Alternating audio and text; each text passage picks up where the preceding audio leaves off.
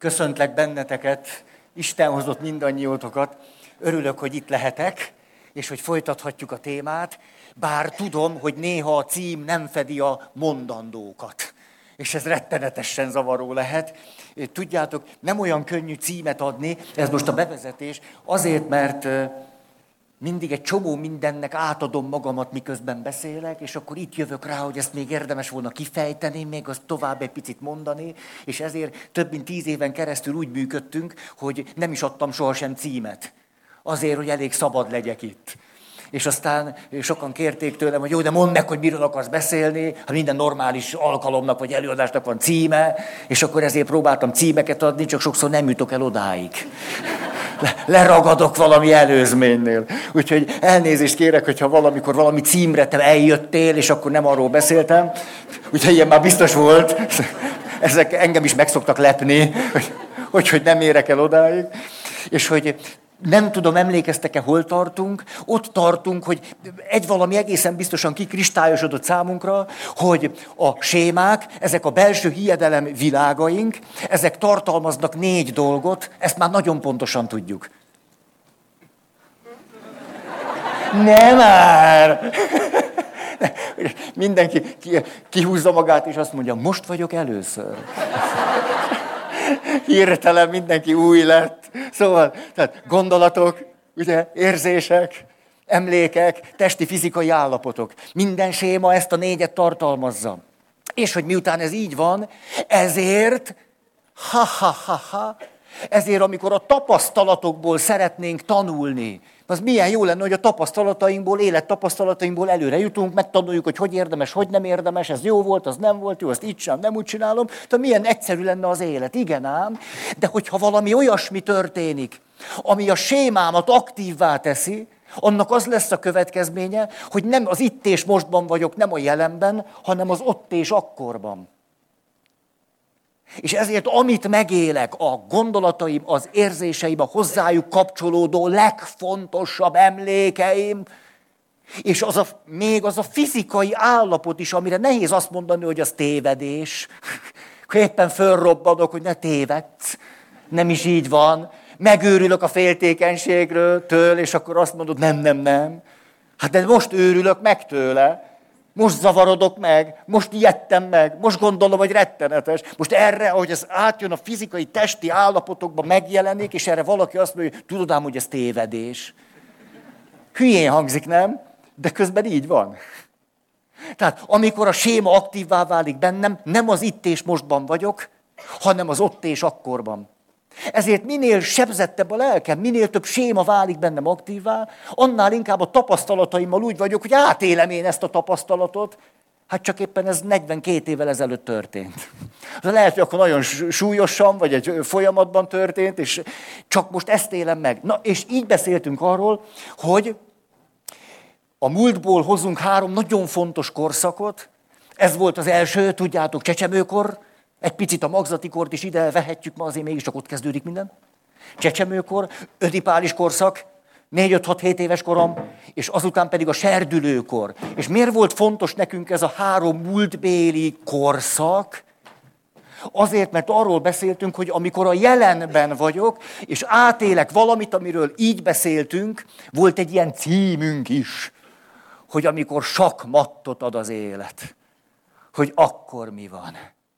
És erre hoztunk példaként egy olyan helyzetet, hogy például sakmat, amikor a feleségem, akinek azt mondtam, holtomiglan, holtodiglan, ugye bizonyos variánsokban holtodiglan, holtáiglan,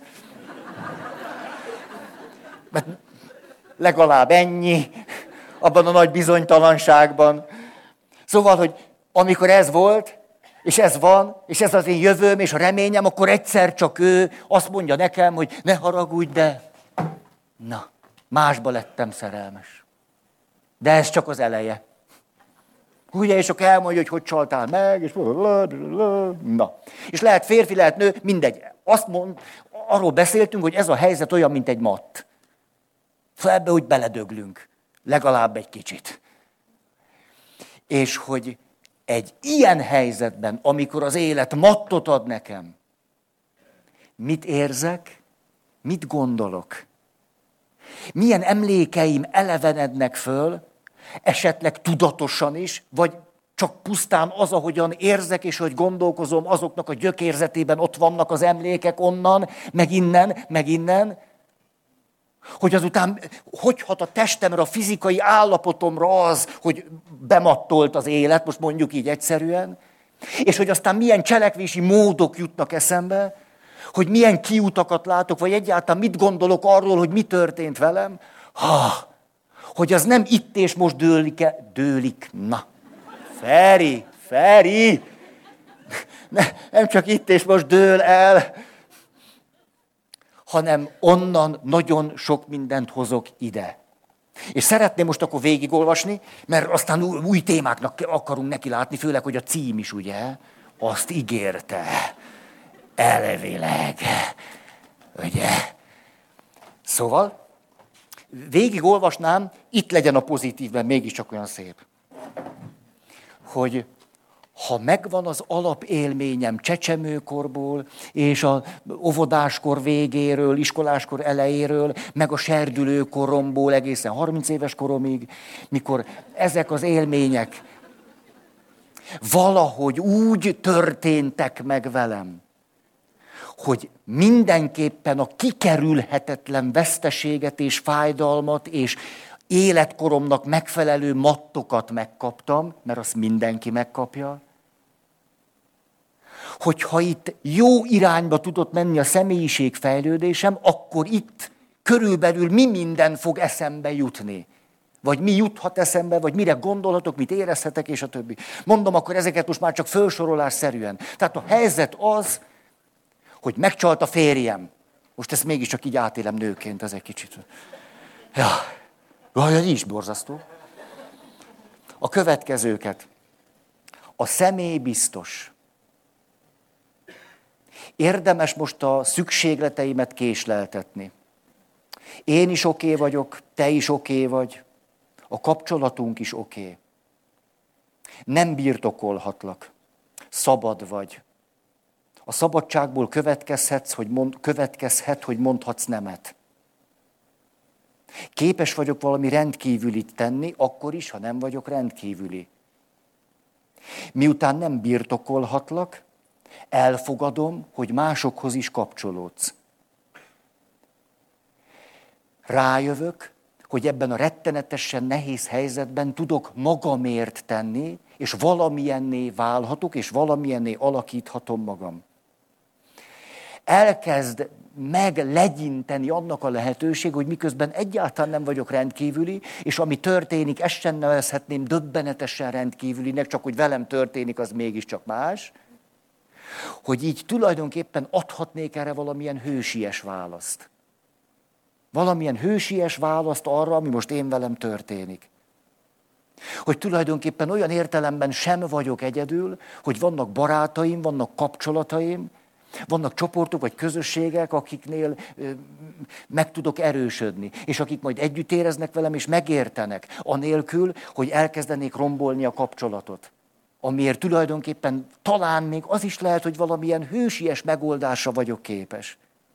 Azután pedig átélem azt, hogy miközben úgy éreztem, hogy én nem tudom most az életemet megtartani, hogy ebben a sakmatban valahogy elkezdtem zuhanni lefelé, olyan érzések, gondolatok kerítettek hatalmába, aminek nem is vagyok az ura, nem is tartom a kezemben, szinte, mint az életem alig lenne a kezemben, aközben megélem azt, hogy valaki mégiscsak megtart engem. És egyszer csak eszembe jut az, hogy ebben a rettenetesen nehéz helyzetben még az is lehetséges, hogy nem én központú megoldásokra találok. Nagyon én központú vagy sebzettség központú maradok, bele fogok dögleni. De talán az is realitás, hogy nem én központú megoldásokra jutok. Ez van itt. De azért ez nem hangzik rosszul. Miközben a helyzet nagyon-nagyon pocsék.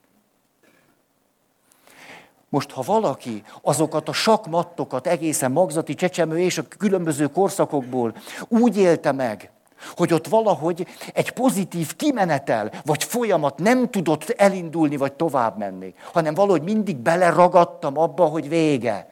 Akkor átülök a másik székre, és összefoglalom, hogy akkor meg körülbelül mi játszódik le bennem. Ez így néz ki. Hát a személyek nem biztosak. Beleértve a feleségemet és a férjemet is, a tárgyak és az élvezetek viszont igen. Tulajdonképpen ami biztos, az, amit itt és most meg tudok ragadni, a szükségleteimet itt és most sem érdemes késleltetni, mert látni való az emberrel bármikor, bárkivel, bármi megtörténhet. Tehát amit most ki lehet venni az életből, azt akkor vegyem ki, mert az a biztos. Ez a pillanat, ez biztos. Legalább akkor érezzem jól magam, ha már ennyire pocsék az élet. Te se vagyok én, na de én se. Te biztos nem vagy az igazi, de most úgy tulajdonképpen, hogy megcsaltál, tudom, hogy én se. Akkor ez a kapcsolat sem oké. Okay akkor elszúrtam, már a döntésnél elszúrtam, most tök világos, hogy nem vagyunk az igaziak, de most akkor ez azt is jelenti, hogy hát, akkor ezzel a helyzettel már nem sok mindent lehet csinálni, ez már megtörtént, ennek már így van vége. Mert ennek már most így vége van. Ebbe, ebbe most elbuktunk, belebuktunk. Jó, hát tulajdonképpen nem is gondoltam soha mást. Hogy igazán őszintén. Miért pont én lennék a kivétel? Azután minden oda lett, vége van mindennek, ez az én vereségem, meg a te vereséged, meg a mi vereségünk. Az élet tele van hiányokkal, teljesen kiüresedtem, elragadott a sötétség, lehet, hogy meg kéne dögleni, jöjjön az 50 C-vitamin, tulajdonképpen egy senki, egy semmi vagyok. Hát különben hogy is történhetett volna ez meg velem? Nincs kapaszkodóm, és nagyon gyöngének érzem magam. Szóval a jelen helyzetben, az itt és mostban egészen mások lesznek a gondolataim, érzéseim, emlékeim, fizikai állapotaim, az, hogy mit tudok tenni magamért, és hogyan tudom magamat alakítani, és a helyzetért, és... Hmm. Miközben a helyzet ugyanaz. És így jutottunk el oda, emlékeztek, ez volt az áromondat. Az áromondat így szólt, ezért senkinek se ajánlom, beleérte magamat, hogy a tapasztalataim alapján éljek. Na, valaki hoz egy negatív örökséget, és ide bekerül, és azt mondja, hát most elmondtam 12-14 pontból, hogy mit tapasztalok. Hogy vége, hogy pusztulat, hogy halál, hogy nincs kapaszkodó, hogy üresség, hogy... Hát ez a tapasztalatom. Én senkinek nem ajánlanám, hogy ez alapján éljen. Nem, nem, nem, nem, nem szeretném. Vagyis így született akkor ez a mondat, hogy ne a tapasztalataink alapján éljünk, hanem a tapasztalataink megértése alapján. És ez nagy különbség. És amikor a tapasztalataim megértése alapján élek, akkor ebben az a gondolat is benne van, hogy tudom, itt biztosan tudom, és majd oda is átülök, és itt, itt, itt hagy legyen itt is ez a tudás, hogy az élet sokkal több, mint a tapasztalataim. Az élet sokkal több, mint az élet tapasztalataim. És akármennyi tapasztalok majd az életből, az élet akkor is sokkal-sokkal több lesz. És akkor így, hmm, ez akkor két irányt jelent nekünk. Az egyik, hogy akármennyire is erőt vett rajtam a pusztulat, mert mattot adott az élet, akkor is mondhatom azt, hogy szeretném nyitva tartani magamat valami eredeti tapasztalat iránt. Emlékeztek, ez volt az első alkalom. Valami eredeti iránt. Néztétek az olimpiát? Helyjel közzel. Ezt, ha, jól, ha jól értelmezem. Hát én néztem csőstül. Ami belefér. Én fölkeltem reggel, mint hajnalba. Én mindig fölkeltem, egy éjszakát hagytam ki, mert már nagyon fáradt voltam. Tehát fölkeltem, hajnalt, néztem a magyar férfi és női vízilabda válogatottat.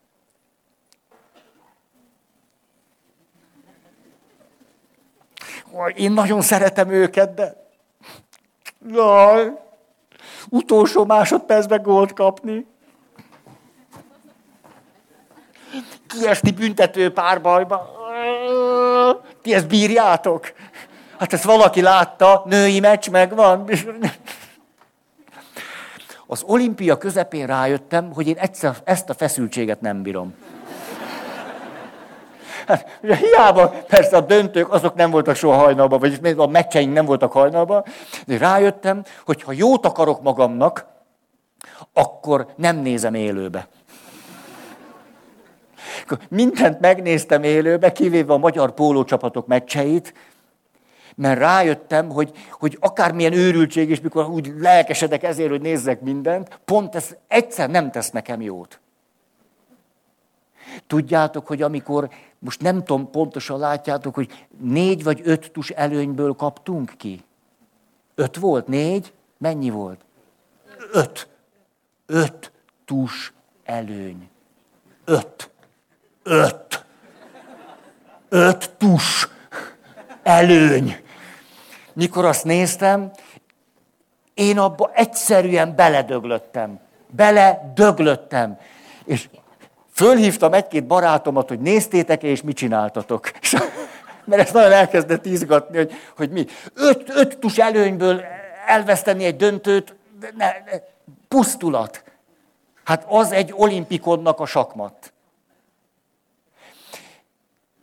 Elmondanám, hogy mit csináltam.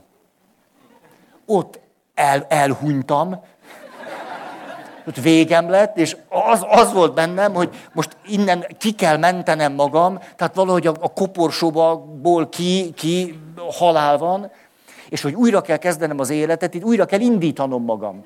És arra gondoltam, hogy mi lehet az újraindításnak a, a, a módja, be kell feküdnöm a kádba, forró víz, magzatpóz. És én ezt csináltam. Hát akkor szüneteltettem az olimpiát, teljesen mindegy, hogy ezt most lemaradok, meg minden, befeküdtem a kádba, 38 fok.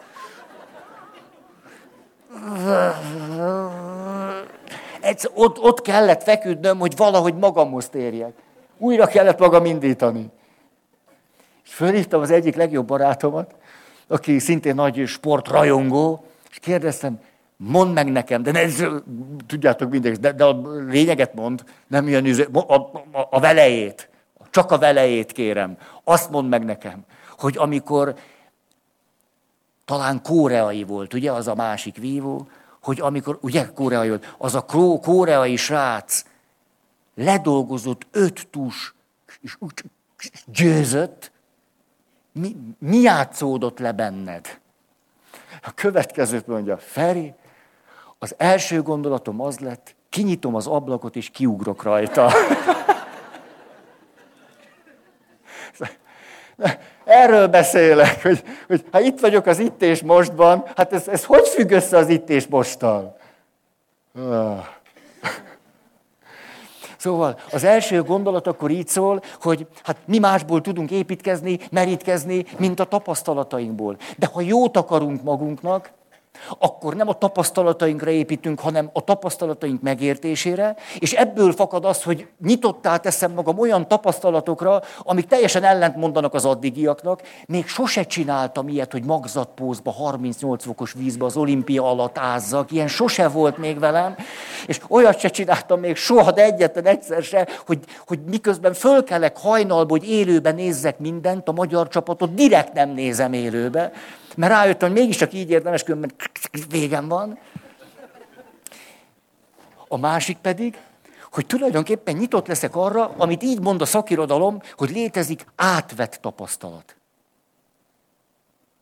Ha van egy kis gógyim, azt mondom például, hogy mondjuk a gyilkos galóca hatásait nem, nem akarnám teljesen a saját tapasztalatomként megélni, mert kétségkívül biztos egy jó sztori lenne, vagy lehetne ezt azt mondani, vagy biztos hiteles lennék, tehát aztán lehetnék segítő. Ugye, tehát ilyen gyilkos galóca károsultak körében, lehetnék segítő, és akkor ott járnék, és iszonyú hitelesen el tudnám mondani, hogy értitek, hogy lépésről lépésre, hogy közelítettem meg a galócát, és hogy voltam óvatlan, és hogy hittem azt, és aztán hogy főztem meg, hogy az íze milyen finom volt, és hogy tényleg így van, azt mondják, nagyon finom. Na, de ez olyan finomság, amit úgy egyszer élvez az ember. Ezzel azt akarom mondani, hogy itt, amikor ott vagyok már, hogy a tapasztalataim megértése, hogy akkor nyitott leszek arra, hogy új tapasztalataim legyenek, és kifejezetten érzékeny leszek a különbségekre. Hogy jé, de érdekes, hogy itt most egy pici, valami pici, pici más van. Na, i- ilyet még nem éreztem. És a kicsinek van nagy jelentősége. Társkapcsolat. Hát itt vagyunk. Most nem akarlak fárasztani benneteket a kölcsönös neurotikus allergiával. A kedvenc témám, de már itt könyök, tor, mindenhol ez jön ki nektek. Hogy mikor megőrítjük egymást, allergiások vagyunk egymásra. Ha rád gondolok, allergiás reakcióim vannak. A neurotikus meg azt jelenti, hogy van egy előtörténete, hogy miért pont arra vagyok allergiás. És képzeljük el, hogy rettenet őrületbe egy egészen hajszál, vékony változás játszódik le. Ez pedig az, hogy ugyanúgy kinyírtuk egymást este, mint szoktuk, szétcincáltuk egymást, atomjaira hullottunk mind a ketten, de amikor befekszünk egymás mellé az ágyba, egyszer csak mondjuk a férfi azt mondja, hát ez pocsék volt. És erre a nő a következőt válaszol. Ja. És tudjátok, hogy ez óriási nagy dolog?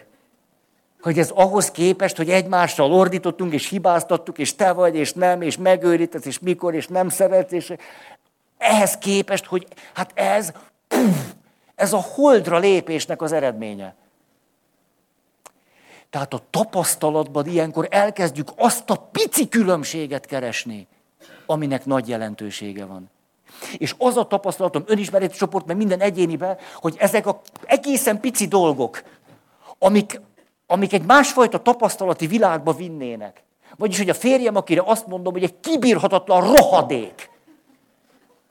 Úgy szeretek mentálhigiénés szakemberként beszélni, mert érzem a szabadságomat. És...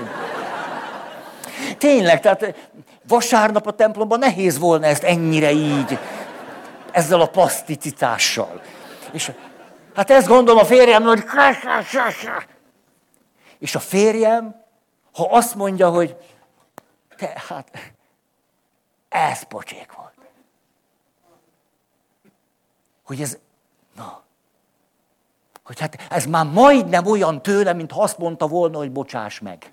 Majd nem olyan. Majd nem olyan, mint ha letérdelt volna, megcsókolta volna a kezem, és azt mondta volna, hogy drágám, ez majd nem olyan tőle. És tényleg így van, hogy majd nem olyan. Mert ahhoz, hogy ő így összeszedte magát, és most nem folytatja, és nem úgy fogunk elaludni, és reggel még nem tesz rá egy lapáttal, és pici dolog, óriási eredmény. Hát ez az érzékenység a Másfajta tapasztalatra. Átvett tapasztalat, ennyi. Második lépés. Most itt vagyunk, itt vagyunk, hogy na akkor hogy, hogy, hogy, hogy. A második, hogy arra jutottunk, hogy ne a tapasztalataink alapján éljünk, hanem a tapasztalataink megértése alapján. Ha ezt most mutathatnám, ha csak a legegyszerűbb modellt mondanám, amikor bent vagyok a sémának a velejébe. Van olyan, hogy séma veleje? Nem biztos, nem tudom. Mondjuk igen, mint Szimbád, ahogy, ahogy eszi a velőt. És képzeld el, hogy amikor a velőt már kiütötte, és te ott vagy benn most. Na ez az. Hát ott vagy benn.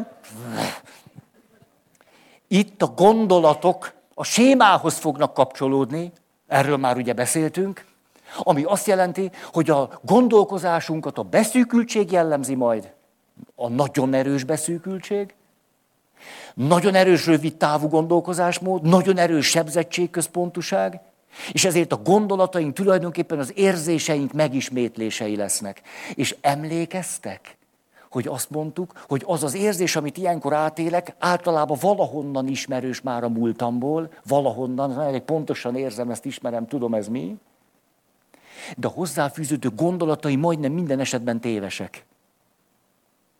Mert egy megelőző korszaknak eleve a szűklátókörűségéből kezdtem el értelmezni, hogy mi történt velem ott.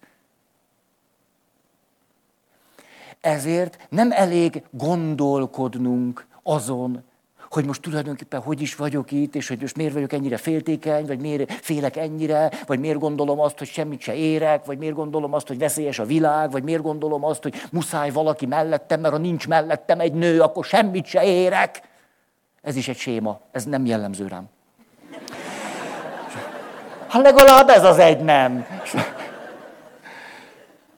Hogy nem elég, hogyha pusztán az érzéseimhez kapcsolódó gondolatokat a végtelenségig kavarom, mert az szokott lenni. Ezt úgy szokta, én a hölgyektől tanultam ezt. Tényleg, hölgyek tudnak nagyon szomorúan leülni nálam, nem azért, remélem azért, hogy velem találkoznak, Nagyon szomorúan, és akkor azt mondja, hogy Feri, tudod mi az én nagy bajom? Túl sokat agyalok. És ezt a szakirodalom elnevezte. Tudjátok, hogy ennek van egy szakkifejezése? A női agyalásnak. Tényleg a női agyalás az egy külön minősége a gondolkozás formának, úgy hívják, hogy rágódás. Rá, rágódok. De olyan értelemben rágódás, nehogy ezt most félreértsétek, ez az a fajta rágódás, így van, a szakirodom, nem, nem a sa, értitek, most nem a, nem tudom, mi tört ki belőlem. Na. Hanem, most tényleg valami kitört belőlem, csak nem tudom mi. A, hogy ilyenkor ez a rágódó gondolkozás leginkább ahhoz hasonlít, amit megtanultunk hetedik általános iskolába, ez pedig a szarvas marhának a kérődzése. Ez miránk férfiakra is jellemző. Természetesen. Csak nem annyira. Ennek egyszerű okai vannak, mert mi egy pont után elmegyünk inni. Egy pont után fölhívjuk a haverünk, hogy gyere, nem megyünk focizni, nem tudom, lemegyünk boksák, kicseréljük az olajat az autóba, ennyi.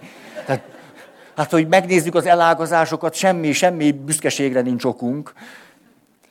Szóval ez a kérődző, kérődző gondolkozás, amikor már úgy értitek, már megtörtént, és akkor de már ott is megtörtént, akkor itt, itt is megtörtént, akkor ott is megtörtént, és akkor tényleg az élet szörny, és magam vagyok hagyva, és egyedül vagyok, és, ez, és ez, és akkor kicsit úgy érzed, hogy picit úgy föl, föl lazulnál, tehát ezek a gondolatok így kezdenének így lemenni, már így, így itt vannak, itt azért persze nagyon fáj, mikor ideér, de akkor így megy tovább, megy az érzések, akkor itt, és itt, itt, itt már úgy majdnem tovább indulna így a bélrendszeren keresztül, hogy megszabadulj ettől, hogy tényleg, tényleg nő nélkül nincs élet az élet, és hogy a világ nem vesz, és innen egyszer csak a réteges gyomor, és az élettanilag pozitív reflux,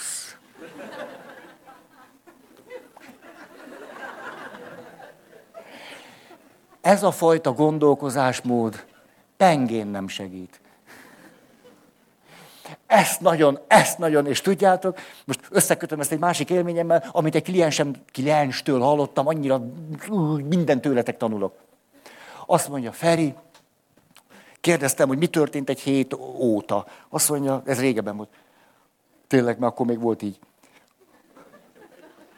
Azt mondja, hogy hát az elmúlt hetemet az önsajnálattal töltöttem mondta.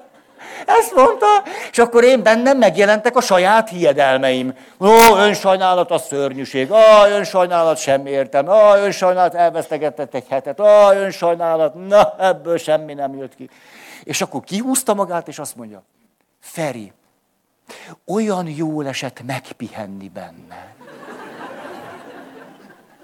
És akkor megtanulta, hogy az önsajnálat is jó valamire, hogy meg lehet benne egy picit pihenni. Tehát ez a rágódó gondolkozás is jó valamire, mert legalább struktúráljuk az időt. Lehet, hogy ha unatkoznánk, nem lenne annyira jó. De ezekhez a gondolatokhoz mindig vissza tudunk térni. És ezért valahogy, ahogy Eric Byrne mondta, az élet nem más, mint hogy az elején mondunk egy helót, utána valamivel el kell tölteni az időt, és a végén is mondunk egy helót. És amikor megy az idő, és nem érzem magamat dologtalanul. Ez főleg mondjuk egy sváb embernek nem probléma, hogy jó.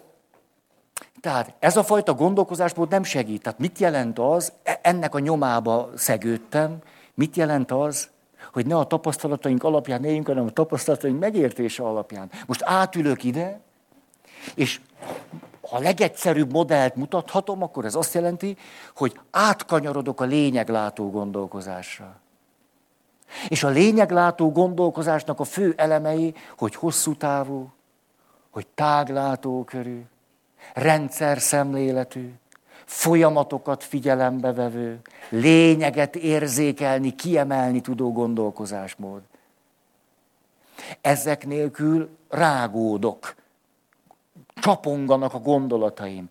De ha megvan ez a lényeglátó gondolkozásmód, ami rendszer szemlélet, folyamatok, lényeg, tágan, á, képesség arra, hogy ne is csak én központúan gondolkozzak, főleg ne csak sebzettség központúan, hogy képes legyek rálátni magamra. Na ez a fajta gondolkozásmód az, ami az igazi nagy segítség. Ez akkor a folyamatban a második lépés. A harmadik lépés, hogy eljutok a döntéshozatalig. Hogyan érdemes a döntést hozni? Há, az első két lépésen túlmentem, lehetséges, hogy azt mondom, én nekem itt egy csomó rossz tapasztalatom van, itt még gyűjtöttem hozzá, itt még rátett az élet egy lapáttal, és tulajdonképpen most meg megcsalt a férjem. Azt lehet mondani, hogy az élet tapasztalataim 90%-a pocsék. De mi van a tízzel? A szabad döntés azt jelenti, hogyha itt ülök, azt mondhatom, tulajdonképpen amellett a 10% mellett is dönthetek. Sőt, az is lehet, hogy az csak 5%. Miért kéne a mennyiségileg több tapasztalat mellett döntenem, hogy az alapján éljem az életem? Ki, ki kényszerít rá? Vagy ki mondja meg, hogy ez a logikus, vagy ez az értelmes, vagy ez az emberi, vagy ez a normális? Ki, ki mondta ezt? Egészen eljuthatok oda, hogy egy terapeuta mesélte el nekem ezt a történetet, volt egy cigány fiú. És a cigány fiú nagyon elham, nem elhamarkodott, hanem elmaradozott vidéken élt, egy elmaradt vidéken élt. És gazdaságilag minden egy elmaradt tájon. És ráadásul mozgássérült volt. Mozgássérült cigány kisrác. Középiskolás lett. Csúfolták, kirekesztették, megvetették, és a többi. És egyszer csak képzeljétek, az történt, hogy ez a kisrác szerelmes lett az osztályba egy szép, nem cigány lányba.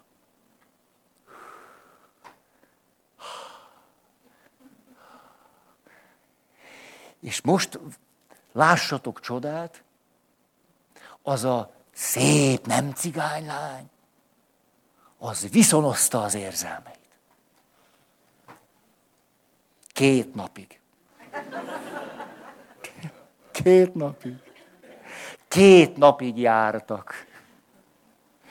És két nap járás után szakítottak. Ugye? Sakmat.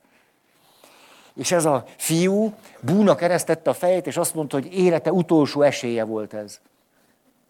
Hogy neki két nap, és hogy körülbelül ennyit ér, hogy eddig is semmi, és nulla, és a hátrányos helyzet, és az összes többi. Most volt két nap, és most ezúttal is az egész életét még leélti úgy, hogy ő, ő csak egy cigány, ő csak egy nyomorék, ő csak egy roki, ő csak egy, izé, köszönöm szépen.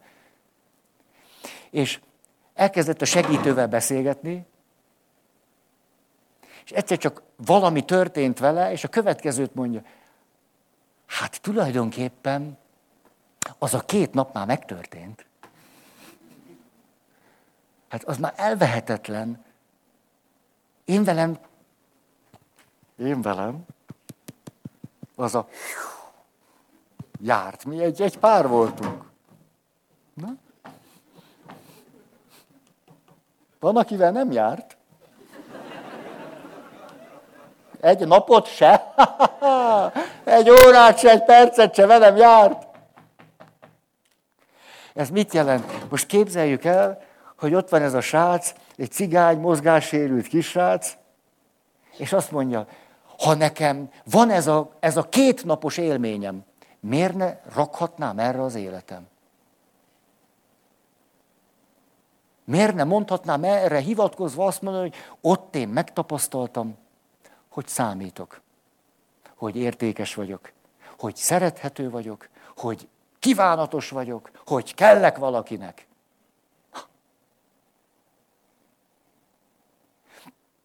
A harmadik gondolatom így szól, hogy senki nem győzött meg bennünket arról, hogy még hogyha ezen a három életszakaszon is mindig valami negatív ért bennünket, és nem tudunk jól kijönni belőle, hogy itt és mostban a tapasztalataink zöme mellett kellene döntenünk. Ezt nagyon fölszabadítónak találom. Főleg, hogyha a döntésünket a lényeglátó gondolkozás megelőzi. Um, Oké. Okay. És akkor végül a cselekvés. Na, hát ez a negyedik lépés, ugye, hogy hogy hozzuk ki magunkat akkor. A cselekvés, na, a cselekvésben az az izgalmas, mikor rosszul vagyunk, és az élet adott egy mattot, akkor tulajdonképpen szép lassan beszűkülünk, rövidlátó gondolkozásmód, én központuság, sőt sebzettségközpontuság, elvesztjük a cselekvésnek a szabad terét. Valahogy nem, nem, nem tudunk kreatívan, főleg nem spontán módon cselekedni. Szóval, és mit szoktunk ilyenkor csinálni? Akaratlanul is elkezdünk a szabadságért cselekedni. Nem szabadon cselekszünk, hanem a szabadságunkért próbálunk valamit tenni. És az a kérdés, hogy amikor a szabadságomért próbálok valamit tenni, az egyébként jó-e nekem? Vagy hogy tényleg ezt akarom-e csinálni? Például egy nő, aki azt mondja, idáig vagyok az alkalmazkodással. Elegem van. Hogy a gyerek, hogy a sírás, hogy az anya, anya, anya, elegem van. Egy nyugodt hely volt egy ideig a WC. Annak is befellegzett. Igen, a gyerekem úgy kitépte a kilincset, most nincs rajta kilincs. Mondta anya, anya. Meghallom ezt a szót, a holdra kilőném a gyerekeim. Most amiket mondtam, ezt mind tőletek hallottam. Komolyan a WC-t, a kilincsletépést, meg a holdra kilőni a gyerekeket. Mind a három, három édesanyától van. Hozott anyagból dolgozom. Ugye a szülésből se tudok nektek perfekten beszélni. Szóval, itt van akkor ez a... Mi lesz a késztetésem? Hogy szeretnék szabadulni. Valami, elkezdek a szabadságomért cselekedni.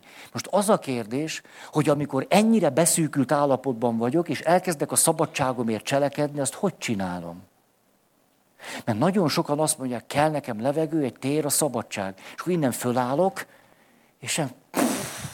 Na, mint a kiégés folyamatában, a 7., 8., 9. lépésen, tudjátok, egyszer csak a, a, a, a céges kétnapos süzén, aztán úgy bele vagyok pusztulva, akkor jöjjön a Robi. Én magamra húzom a Robit, nem is, nem is áll ellen, azt hadd, hadd jöjjön a viharos lamúr. Hát, hogy az, az mennyire viharos, meg mennyire lamúr, azt nem tudjuk, de hogy jó dolog a céges tréning. Kétség kívül tettem valamit a szabadságomért. Kétség ki, abból a beszűkültségből kihúztam magam. E, ez már tényszerű, nem? Mert aztán alkalmazkodás a férjemhez, meg gyerekek, ez nem sok volt. Mit akarok ezzel mondani? Hogy a szabad cselekvésnek a világát keressük, de amikor már nagyon nem vagyunk jól, akkor elkezdünk nem szabadon cselekedni, hanem a szabadságunkért bármit megtenni. És ennek sokszor olyan lehetetlen hülye következményei vannak, hogy még rosszabb helyzetbe kerülünk. A, a másik lehetőség az, hogy rájövök, hogy tulajdonképpen hihetetlenül beszűkültem, a séma maga alá sodort, de szeretnék szabadon cselekedni, de már nem tudok, vagy szinte nem tudok, ezért most először azt kell kitalálnom, hogy hogy tudok a szabadságomért cselekedni. De nem akárhogy, most nem az a cél, hogy szabad legyek, hanem hogy jól legyek szabad. Hogy mikor szabad vagyok, akkor döntsek az életemről. Ne pedig azáltal elkezdjek dönteni az életemről, hogy egyszerűen csak akartam szabadulni, vagy szabadnak lenni. A, most lehet, hogy... Na, leülök ide. Lehet, hogy egy picit paposan, paposan fog hangozni, de nem, nem tudom. Az is lehet, hogy így van. De az a benyomásom,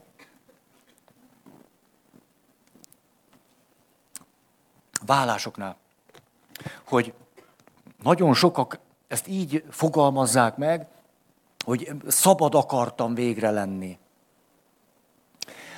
Miközben a realitás inkább az, hogy a vállás révén nem szabadabb leszek, hanem függetlenebb.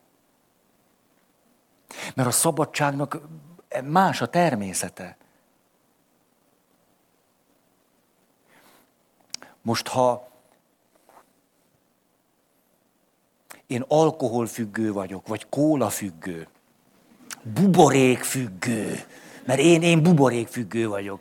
Tulajdonképpen legszívesebben azt mondanám, hogy ilyen 8 fokos hideg buborékfüggő, de nem tudom, hogy van-e hőfoka a buboréknak. Mert hogy az meg ugye levegő. Tehát ez egy, ez egy, ezt én nem értem. A, mert hogy a buborék a jó. Hogy ha azt mondom, hogy rakja már el valaki, ne is lássam, ettől nem lettem szabadabb. hanem most nagyobb távolságot sikerült vennem a piától, a buboréktól, és a... de szabadabb nem lettem. A távolság nőtt meg, és ilyen értelemben függetlenebbé váltam. És nem egyszer az szokott egy rettenetes csalódás lenni, hogy akkor itt van, megtörténik, már most akkor nem vagyunk házasok, már, hát csak van három gyerekünk. Fenne egye meg, megint találkoznom kell a férjemmel. Hát ugyanannyit találkozok vele minden nap. Mert ő gyerek hogy, és akkor gyerekekkel hogy, és a szülőtársak maradtunk, hát ez gondolta a csuda. Hát csak így van. És tulajdonképpen most szinte még, még nehezebbé válik, hogy muszáj volna valahogy vele egyeztetnem. Nem, hát a gyerekek miatt muszáj valahogy egyeztetnem, tehát a helyzet megmaradt, azzal a kínzó lehetetlenséggel, hogy most úgy rossz, hogy már nem is a férjem. És még, még, még, még így is kell csinálni. Tehát most mondja, vad idegennel kell minden nap egyeztetnem, akit utálok. Hát, hát ezért ez nem, nem, na. Tehát a függetlenségem nő, meg a szabadságom nem. Az egy külön dolog, hogy a szabadságom hogy jön meg. Na most azt akarom ezzel mondani, hogy nem mindegy, hogy szabadon cselekszem, vagy a szabadságomért cselekszem. Sokszor, amikor szabadon szeretnék cselekedni, először elkezdek a szabadságomért valamit csinálni, és hogy az mi, Na, itt nagy kérdőjelek. Hmm. Ismerős ez? Hogy úgy... Most ide ülök megint, mert valahogy, nem tudom, ilyenem van, hogy az utóbbi hetekben többször kérdezték meg tőlem, hogy hogy bírom én a papi életet?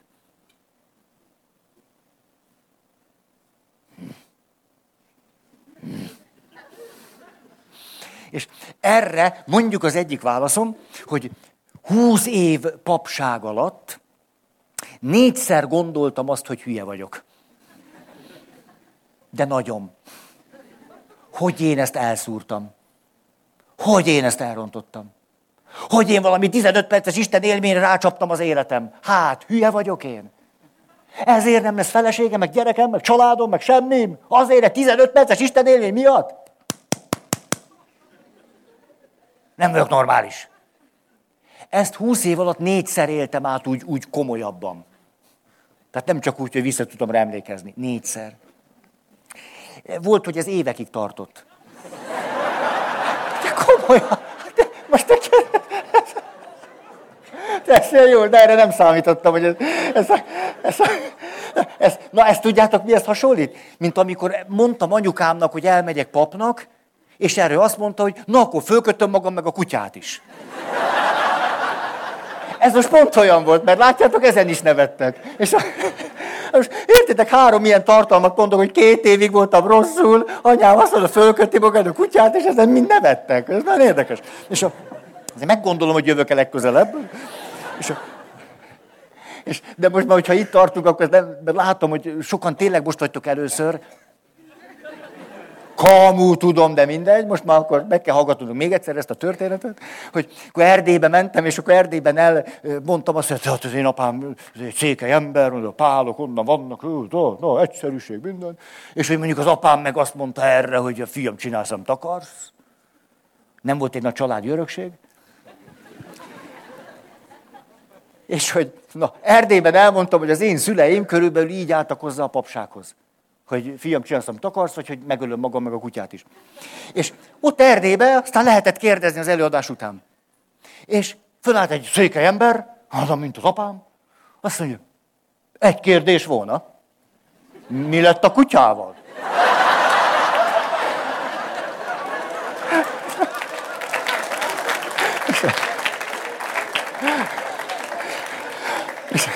Na most pont így éreztem magam az előbb, mikor elmondtam nektek, értitek, ide ültem, hogy talán érezzétek, hogy ver a szívem.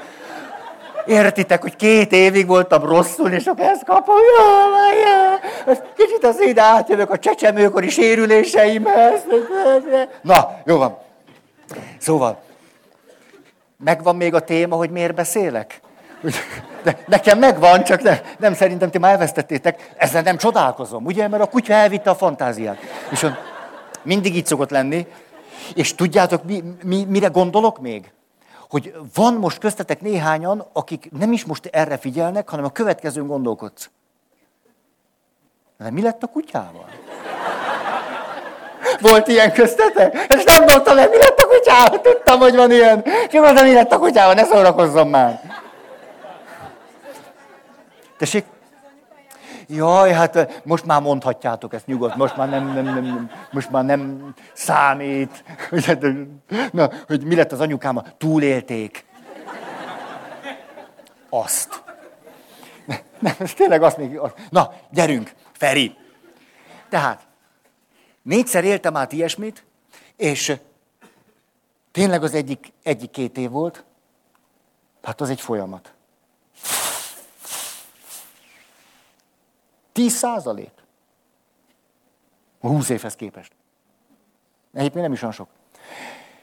Szóval, ott ezekben a mély pontokban, és azok nem pontok voltak, hanem időszakok, elkezdtem rájönni arra, hogy ha nem szabadon vagyok pap, úgy nem tudom csinálni. Szóval, hogy lehetek úgy, hogy ezt dobta a gép, meg most már akkor így maradok, meg milyen most 75 év vagy úgy korhatár, addig csak elgyökök a gép, vagy nem tudom.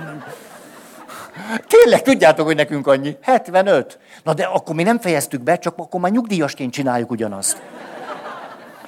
Hát, hogy arra gondoltam, hogy tehát ezt nem tudom nem szabadon csinálni. Tehát vagy szabadon csinálom, vagy nem tudom csinálni. Nem az, hogy nem akarom, vagy nem esik jól, nem tudom csinálni nem szabadon. Hát akkor rájöttem, hogy, hogy, hogy de nem vagyok abban az állapotban. Hát először a szabadságomért kell dolgoznom, és amikor szabad vagyok, akkor tudom eldönteni, hogy akarom tovább csinálni. Akkor rájöttem, hogy ez a kettő nem ugyanaz, hogy szabadon csinálni valamit, vagy megdolgozni a szabadságomért, hogy aztán szabadon tudjak valamit csinálni. Na, elmondom például, hogy nekem mi jött be, de ti ezt ne csináljátok. Most komolyan, nem azért mondom, hogy ezt kell csinálni, csak elmondom, hogy én nekem mi jött be. Rájöttem, hogy ha csak szabadon tudom csinálni, akkor, akkor meg kell adnom magamnak a szabadságot, az nem egy szöveg, meg egy, egy szó, hanem hát akkor a szabadság. És hogy tudom, hogy tudok a szabadságomért dolgozni úgy, hogy közben ne hozzak nem tudatosan már is döntéseket az életemről. Ugye ez a téma? Hogy észrevétlenül, hogy a szabadságomért dolgozok, elkezdtem dönteni az életemről. Azt ezt nem akartam. Én azt akartam, hogy én dönthessek. Akkor rájöttem, a legjobb, ami egész biztos, azzal, azzal hogy a képzelő erőmet, meg a fantáziámat fogom használni. Hogy a végletekig kiérezem, hogy mi minden lehetnék. Mi minden csinálhatnék. Milyen válaszokat adhatnék erre a helyzetre. Hát ezzel nem bántok senkit. És, és akkor volt, hogy napokat azzal töltöttem, hogy igen, igen, na tessék, akkor na, na, csak jó dolog ez a kent. Azért csak, na, lehet egy kicsit valahogy vadászni. Majd Azon fantáziáltam, hogy mi lenne, akkor majd én szerelmes leszek valakibe. Hát csak, mégiscsak. Na, hát azért annyira nem vagyok sérült. És akkor, és na, de, de hát akkor lesznek gyerekeim is. Mi attól el kell képzelnem a házat, el kell képzelnem, ahol élek, el kell képzelnem a lakást, el kell képzelnem a gyerekeket, el kell képzelnem a homokozót, el kell képzelnem a radiátort a lakásba, és el kell képzelnem azt, hogy összefirkálták a falat, és el kell képzelnem, hogy éppen lerobbant az autó, és nem tudunk elmenni sehova. És de ezt mind, mind el kell. És ahogy megengedtem magamnak ezt a szabadságot itt belül, hogy bármere mehetek, bármi történt, bármi csináltok, bármi. Hát senki nem mondja, hogy ne. Hát, hát de pontosan, hogy így van. Hát ez a realitás, hogy, hogy elmegyek holnap a püspökhöz, és azt mondom, hogy ennyi volt. Hát ki akadályoz meg? Ki mondja, hogy ki? Ez a szabadság, ezt bármikor megtehetem. És akkor így fogalmaztam, és visszajövök ide, hogy ez volt a mondatom, hogy hát, hát egy 15 perces Isten élményre rátettem az életem, nem vagyok normális. És akkor azt mondtam, rendben van. Feri, nem mondok neked ellent. Na, most meghallgattalak, igazad van. Hát induljunk innen ki, tehát ezt elcseszted. Négy. Ennek ennyi. Most akkor jó, rendben van. Az életedből bármelyik másik élményre ráteheted az életed. Tök szabadon, te döntöd el, hogy melyik, melyik élményedre teszed az életed, vagy élmény sorra, vagy tapasztalatra, vagy tök szabadon, döntsd el, melyik legyen. És gondolkod,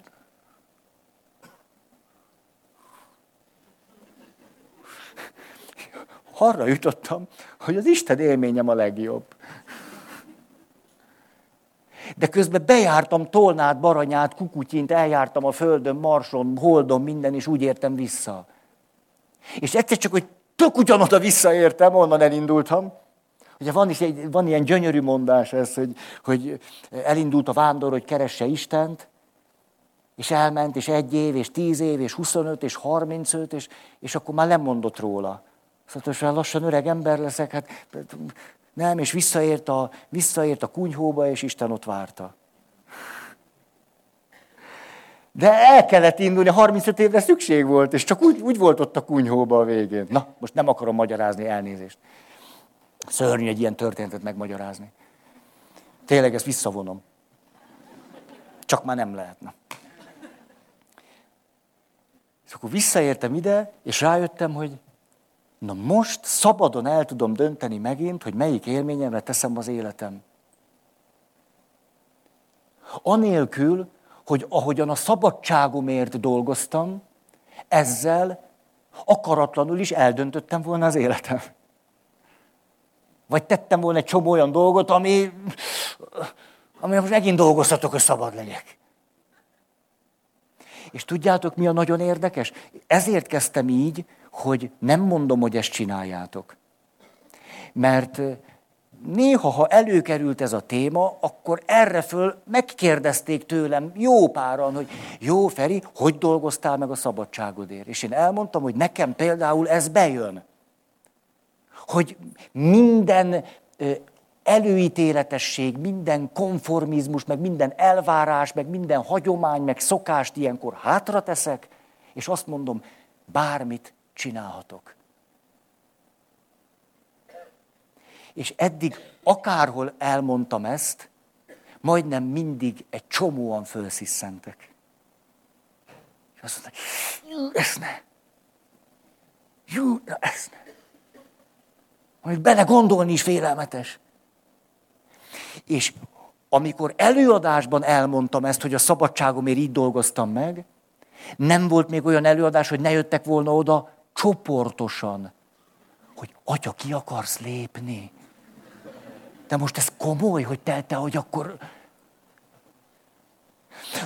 Valahol úgy elakadtak, hogy a végét már nem is hallották. Tehát úgy, úgy, úgy megrémültek ezen, hogy ez hogy van.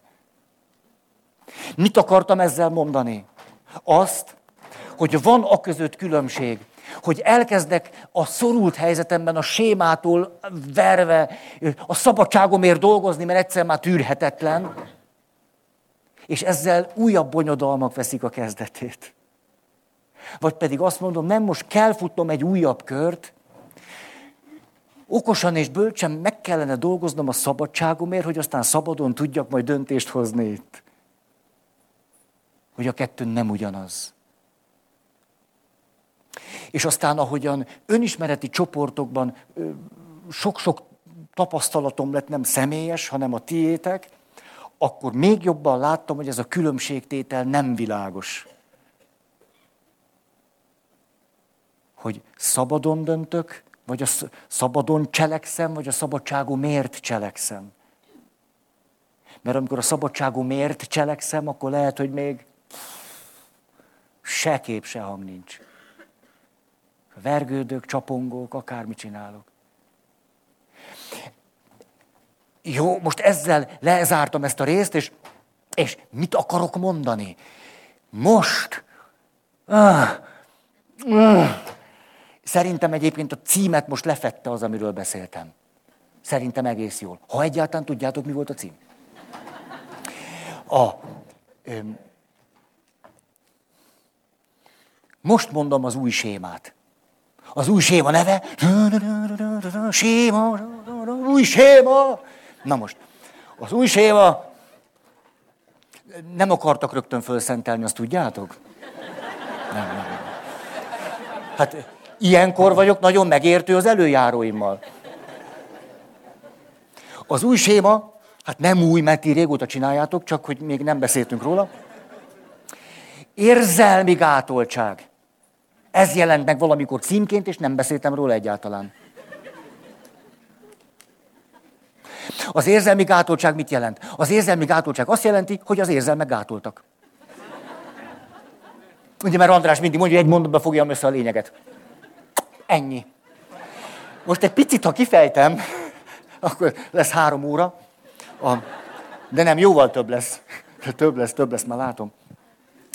Az érzelmi gátoltság, most mondjuk így, kezdjük az eredetet. Nagyon egyszerűen, általában úgy, most mindent próbálok egyszerűen, de, de úgy, hogy az, az még igaz legyen. Hát tényleg, most a végén annyira egyszerű, hogy már nem úgy van. Onnan alakul ki, hogy egészen picinke korunktól kezdve vannak ösztöneink, vannak vágyaink, vannak késztetéseink, vannak érzéseink, vannak indulataink, és vannak gesztusaink, és mozdulataink, és cselekvőképességünk, és bármelyiket éppen csináljuk, és kifejezzük, és megéljük, és benne vagyunk, a sírástól, a tombolásig, a hánykolódástól, a hányásig, és minden, ami, hát pici baba vagyok, tehát minden, ami, ami, ami van onnantól kezdve, és egyszer csak kívülről apa, és anya, és nagymama, és nagypapa, és, és, és, és értitek a szakszervezet, azt mondja, hogy na Feri, azért ezt nem illik. Most, ha ők azt akarják, hogy én semmiképp se vakargassam a fejem, előadás alatt, ezt ne csináljam, ne húzigassam a gatyámat állandóan föl, hogy rendesek, hogy tűrjem be, ne járjak csíkosba, amikor ez értitek, hát tisztelje meg a közönséget, ti, ti se csíkosba vagytok, ugye? Azért te mondjuk az nem. Az nem. Szóval az történik, hogy miközben én éppen kifejezem magamat, valami vágy, készítés, aközben mondjuk nevelő célzattal, pedagógiai eszköztárból merítve, de ez egy elavult pedagógia, de most ezt hagyjuk, megszégyenítenek. Ugye ott, ott, ott ülünk, és én vagyok négy éves, és vakargatom a fejem, és akkor anyám rácsap a kezemre, azt mondja, látod, hogy néz rád Panni nénéd? Hogy egészen olyan voltál, mint egy kis majom. Hát a kis majom vakarja így a fejét. Péter, most lássam ezt utoljára. Ugye Margit néni? Margit néni volt az előbb. Igen. Panni? Na, jó van, itt vagytok, jó van. Nem valami sémában időztök. És akkor a Panni néni, értitek, mert értő is ám a pedagógiához, szóval értitek, és akkor ketten összefogunk a pedagógia nevébe, azt igen, igen, úgy nézett ki, szakasztott, mint a kis majom. Jaj, jaj, jaj, jaj, jaj, jaj. El is képzelem, még 50 éves, és így vakargattál a fejed, Petikém. Na, na, na, na, na, na, na, na, na, na, na. Arról nem is beszél, hogy a mi családunkba. Na, na, na, na. Kovacsics Kovacs családba? Nálunk ez sosem volt módi. De soha. Nem is értem, miért így ülök. Egy hölgy a derekát neki támasztja a szék támlájának. Így biztosítva az egyenes tartást, azt, hogy mindig délcegem, előre felé tudjon tekinteni. Kezét lágyan fekteti, pihenteti a térdén, amit sosem tart így, mint most én. Hiszen egy hölgy nem hord gatyát. Azt hagyja a parasztokra.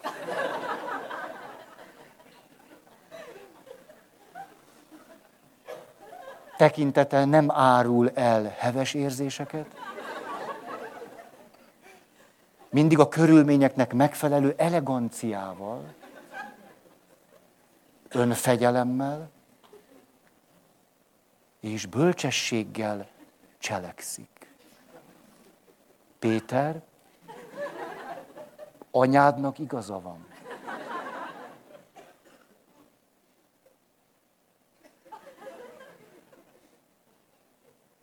Katikám a púderemet ide adnád? Ezt most egy kicsit túltoltam, kétségkívül, de...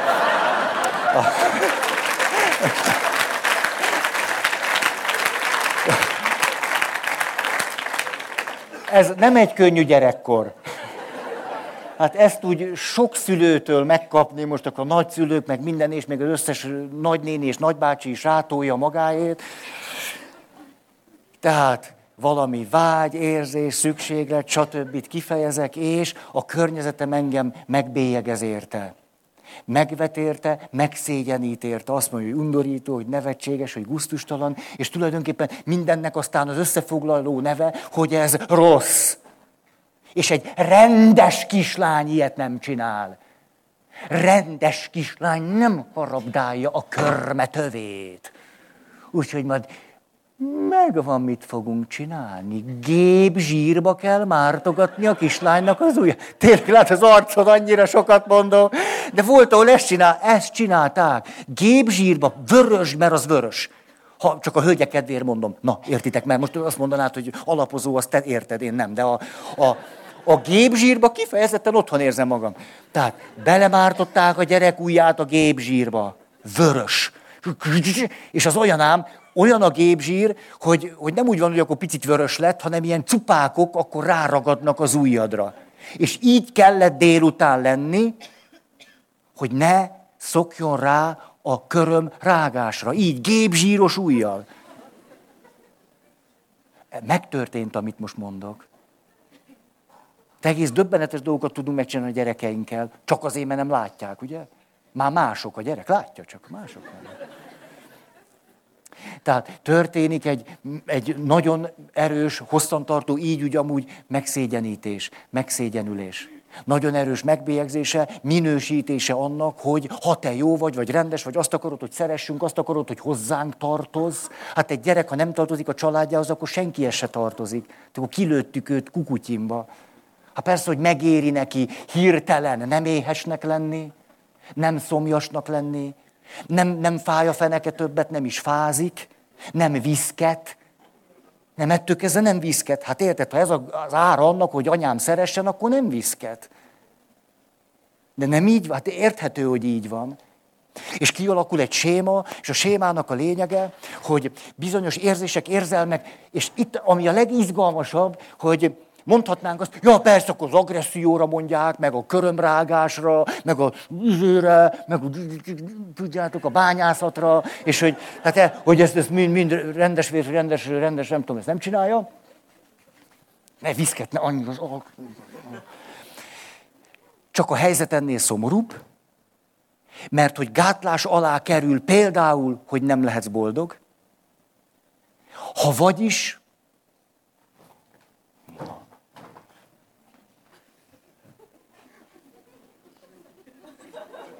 Szoknya. Magas sarkú. De kényelmetlen. Hát most egy úri hölgy, hogy boldog?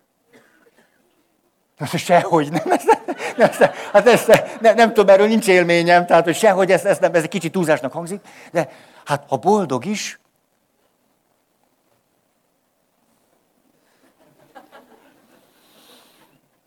naplomba lesz erről egy mondatom.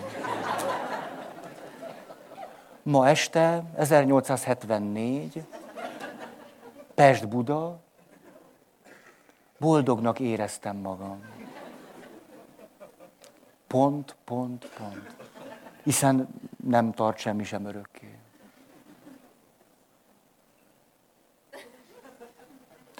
Szóval az érzésekben a gátoltság pozitív érzésekre is kiterjed.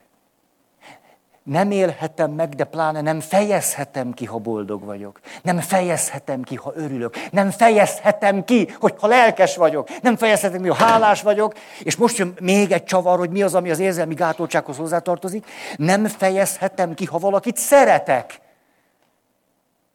Hát azt, azt, azt értitek, az tele van gesztusokkal, az tele van cselekvés, az tele van még ha, spontán dolgokkal. Fúj!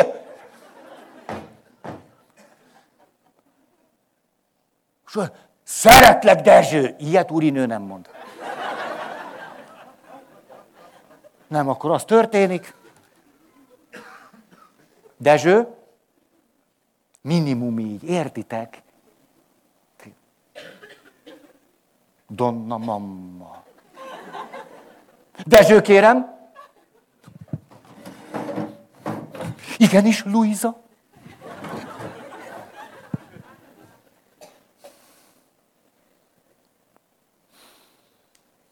Nem bántam meg, hogy magához mentem. Most. Nincs a, nincs a, a, a szeretettek nincs kifejezése, nincs, mert az is veszélyes, kiszolgáltatottá tesz. Tanultatok már ilyet mindenféle ilyen, hogy nem, a szeretetedet ne fejezd ki, mert érted, akkor majd kihasználható leszel, jól.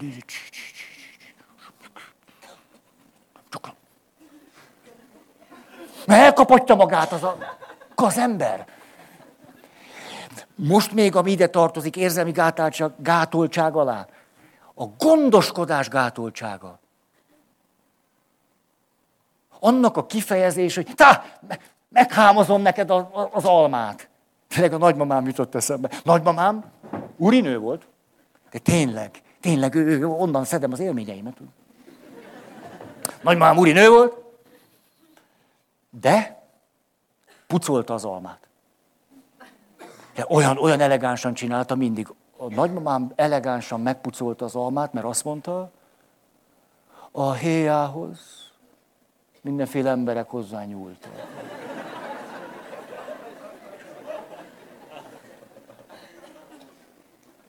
Megpucolta, ketté vágta, majd négybe vágta, kicsumázta. Még azt el... Kicsi a gyerek, ő meg nyolc darabba szelve, tök egyforma szeletek. Porcelántányér? Nem, hát műanyag, érted, mű, persze, műanyag. Kis unokám, fölvágtam az almát. Mire én, oh, me- megvan a héja! Nagymamám úgy érezte, nem vagyok az ő kölyke. Ez egy valami másik alom. És, de, de ez az érdekes, hogy, hogy ott volt benne valami játékosság, mert a nagymamám azt csinálta, amikor picik voltunk, hogy a héját nem adta oda, de vágott két kicsi részt a héjából, és rátette két körmére. Legkomolyabban. Rátette két körmére. És azt mondta, nem, nem a héj az nem, de nézd csak, varázsolok. És rajta volt a két ujján úgy, és azt mondta, Hüt! Hüt! és másik két ujját nyújtotta, és azon nem volt rajta az alma. És én két-három-négy évesen, és ha egy varázsló azt mondja, hogy a héját ne, akkor nem. Úgyhogy leszoktam arról. Ezt így mondom, mondom, mondom, mondom. Hú, az idő. Jaj, jaj, jaj, jaj. Nem szabad vakargatni az órát. Miért vakargat valaki egy, egy óra lapot? Ez már komoly, komoly. Tehát az érzelmi gátoltság alá nem csak negatív érzések, nem csak az agresszió kerül, hanem pozitív érzések, de beleértve a szeretetet, a törődést, a gondoskodást, az együttérzést. A... És, és természetesen, ha van valami, amit tilos, az a spontaneitás. Ezért az érzelmi gátoltság tulajdonképpen egészen pontosan ellentéte a elégtelen önkontroll, önfegyelem sémának. Emlékeztek? Elégtelen önkontroll, önfegyelem. Mert ott az elégtelen önkontroll, önfegyelemnek az volt a logikája, hogy gyerekkorban ott vannak a késztetéseink, ez mindenféle késztetés, lehet érzés, lehet ösztönkésztetés, vágy és valami, és ebből rögtön cselekvés fakad. Ez a kisgyerek működés módja. Késztetés, cselekvés, késztetés, cselekvés, késztetés, cselekvés. Amikor az anya ráver a kezére, azt mondja, nálunk ilyen nem szokás, hogy nevetsz te, az összes fogad látszik, mint a rohadt lónak. Na, ez a... Hát ezt meg tőletek tanulom. És, a, és megy ez a di di di di di akkor tulajdonképpen mit tanítok meg a gyereknek, hogy a késztetés és a cselekvés között gondolkodjon. De úgy, ahogy én akarom. Tehát azt gondolja erről, amit én gondolok, vagyis, hogy ez nevetséges, primitív, gyerekes, alpári, undormány. Az elégtelen önkontroll, önfegyelem sémánál az a probléma, hogy valaki felnőttként úgy él, hogy ez a köztes fázis, hogy egyáltalán elgondolkodok egy késztetés és cselekvés között, elégtelenül működik. Ne, nem gondolkodom el most se rajta. Hogy szóljon, öcsém? Ugye azt mondta, ki kell a gőzt, akkor táj, táj, menjen az a gőz. És ezzel szembe állítva mondhatjuk azt, amiről most beszélünk, hogy érzelmi gátoltság. Mert itt meg az történik, hogy hát még valami késztetésre emlékszünk a múltból, de utána úgy megtanultuk, hogy nulla cselekvés, hogy mindent 25-ször át kell gondolni, ezért aztán itt teljesen túltoljuk az önkontrollt, meg az önfegyelmet. Önkontroll, önfegyelem, önreflexió. Önkontroll, önfegyelem, önreflexió. Hopp, bepisiltem. Na hát, így. Na addig-addig kontrolláltam magam, még így nem járok. Ez a két séma, majd olyan sajátos alkalmunk van, én nem, nem tudom, az, hagytam, hagy menjenek a dolgok. És a, ez a két séma tulajdonképpen, mint hogyha egymással feleselne. Itt egyáltalán nincs reflexió és gondolkozás, itt pedig mindenféle késztetésünk belefullad. Az önfegyelem, önreflexió, önkontroll ö, világába. És a ö, következő alkalommal, mert leírtam, most csak egy picit, egy, hogy ma mi is ez, hogy tulajdonképpen az érzelmi gátoltsághoz mi minden tartozik hozzá, most csak lényegi összefoglalását próbáltam adni, hát már mennyire sikerült már vagy 36 pontnál tartok. Hogy mi minden tartozik abba bele, hogy ez az érzelmi önkifejezés gátolt, és, és azért is tartom ezt izgalmasnak, mert azt lehetne mondani, hogy ha kultúrákra valami jellemző, akkor ránk ez az érzelmi gátoltság jellemző kulturálisan. Nem kifejezni a szeretetet, nem kifejezni a törődést, a gondoskodást, a... Hm. Hát, Mindenkinek jó éjszakát, egyetek almát.